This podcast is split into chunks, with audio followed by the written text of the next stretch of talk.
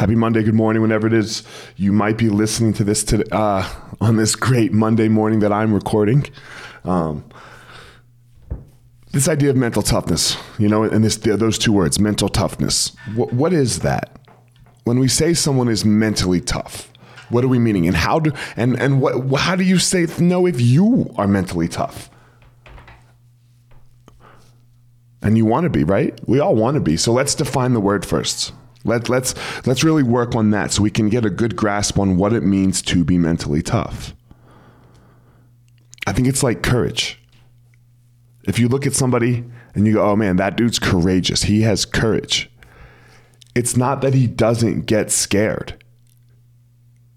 It's not that that individual doesn't face fear. You know, you know, you think about like you know a guy like Tim Kennedy. You're like, oh man, that dude's courageous. He's not scared. Yes, he is scared.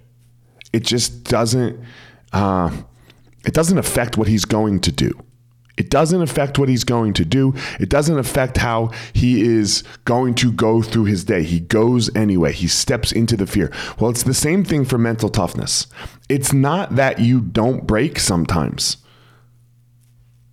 It's that you have the courage and the fortitude and the willpower to, to get back up, to keep going, to stay in the fight it's not that you don't lose. It's not that you don't cry.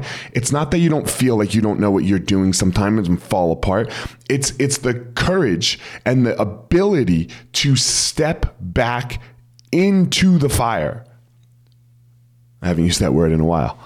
Into the fire and let that shit keep burning you. So that the sword that is forged, the human that is forged on the other end, becomes mentally tough, becomes strong.